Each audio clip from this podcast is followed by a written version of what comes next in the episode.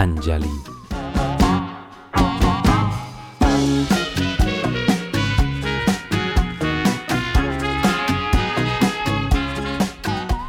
Fa temps que un personatge es va creuar inesperadament pel meu camí i des de llavors ha anat apareixent amb un nivell d'oportunisme que només podria haver igualat ma padrina, àvia o iaia per les àrees més enllà del català nord-occidental de la franja.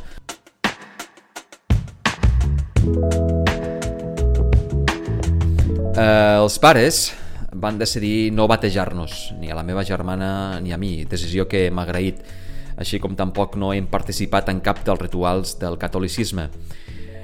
Ni participaré perquè sento fermament que no és el camí. De totes maneres, un fet ocorregut el passat dijous va fer que obrís les portes de l'armari de bat a bat de manera definitiva.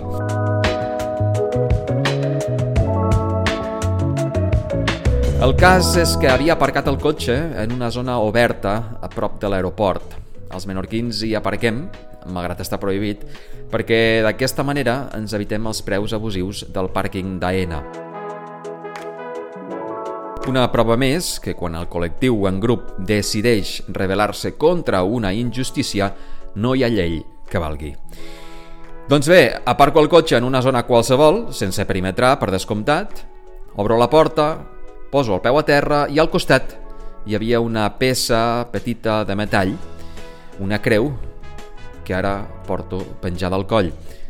I per tant, ho he sentit d'aquesta manera i surto de l'armari i em declaro, em considero cristià, però no catòlic, perquè reconec en la figura de Jesús eh, un ser que va saber entendre l'espòs, l'espòs que ens calen fruit del sistema, el sistema que llavors també eh, estava implantat a la seva manera i que hi va plantar cara.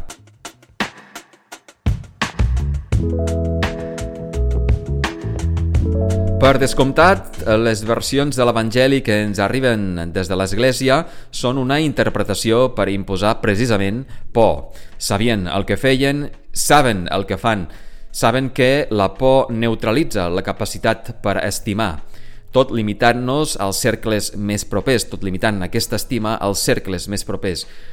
Poc que es fixen, o volen fixar-se, però que quan en les seves pregàries diuen Pare Nostre, no diuen Pare meu, diuen Nostre, perquè ser cristià és ser germà.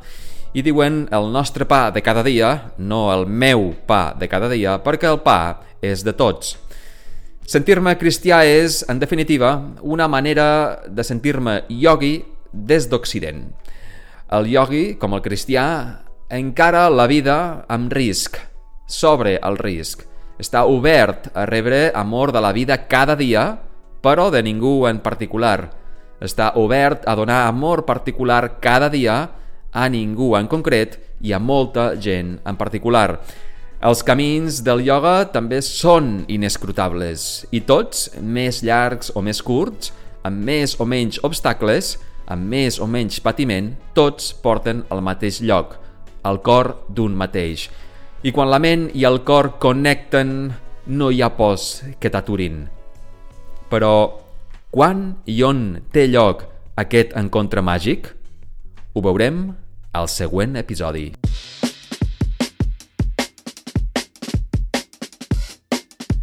El quiosc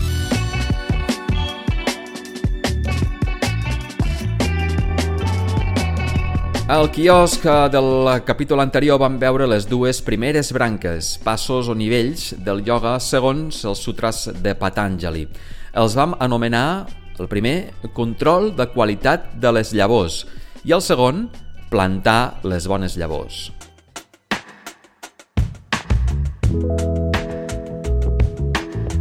La tercera branca és la sana, que és la part més visible en diferència a Occident de la pràctica del ioga. Aquest fet és degut a que som fills de la il·lustració, fet que ens ha portat una capacitat de judici extraordinària que ens permet eh, observar el món des d'una visió externa, però que al mateix temps ens ha dut a una espiral de pors insuportable. Ho veurem també en els següents episodis de Carrer Patanjali. De moment ens quedem en que la tercera branca dels sutras de Patanjali són les asanes i que tenen una influència directa en la vitalitat, en la flexibilitat i en la salut física i mental. La quarta branca és el pranayama, on el sufix prana significa energia vital. Pranayama és sotmetre la respiració a la consciència, perquè la major part del temps la respiració és un procés autòmat sota el control del sistema nerviós parasimpàtic i sobre el qual no tenim la consciència.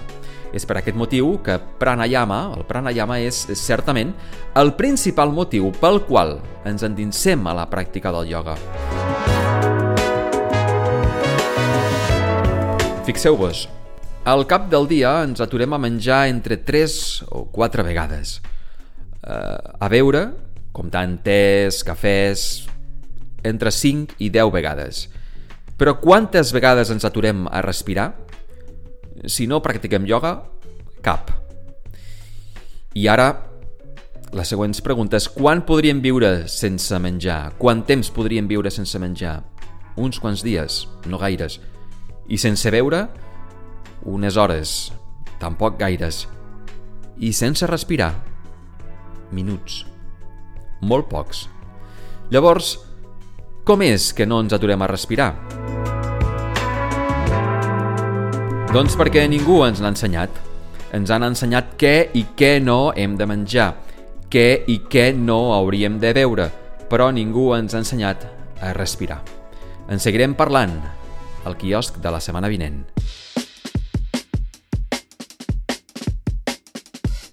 La sana.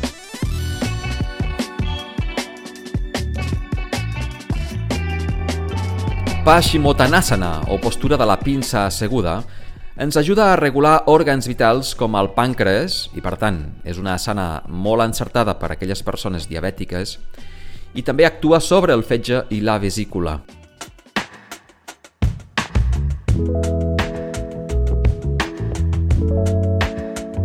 Paschimottanasana és una postura de flexió endavant i, per tant, aporta força interior degut a que és una postura de recolliment. Les postures de flexió endavant són asanes vinculades a l'amor cap a un mateix i a la humilitat. Ajudar a calmar la ment i eliminar l'estrès. I, per acabar, apuntar que és de gran ajuda en capítols de restrenyiment i fa les digestions més fàcils. A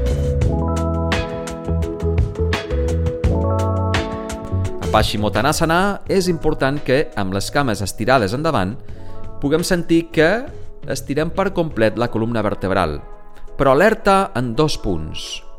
Primer, si la zona lumbar col·lapsa endarrere, és moment de doblegar els genolls per poder estirar-la, la zona lumbar, per poder estirar-la per complet. I dos, si la zona lumbar sent tensió en el moment d'estirar la columna, és moment d'eliminar aquesta tensió és a dir, si hi ha un arqueig cap endins de la zona lumbar, és moment d'eliminar aquesta tensió. Per fer-ho el que farem és com omplir la zona lumbar, de manera que activarem la zona abdominal, eh? la zona contrària, per tal d'empènyer la zona eh, lumbar cap en fora. Una vegada estirada la columna vertebral, és moment d'anar portant el cos endavant. Amb l'abdomen buscarem els quàdriceps i amb el pit els genolls. El coll continua en línia en la columna vertebral.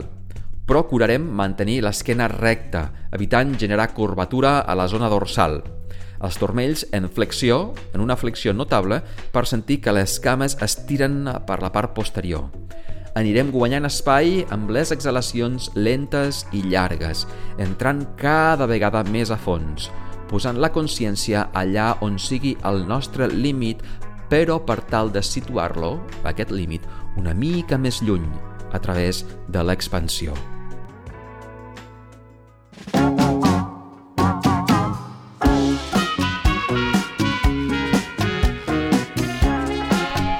Una vegada més, gràcies per acompanyar-me al carrer Patanjali.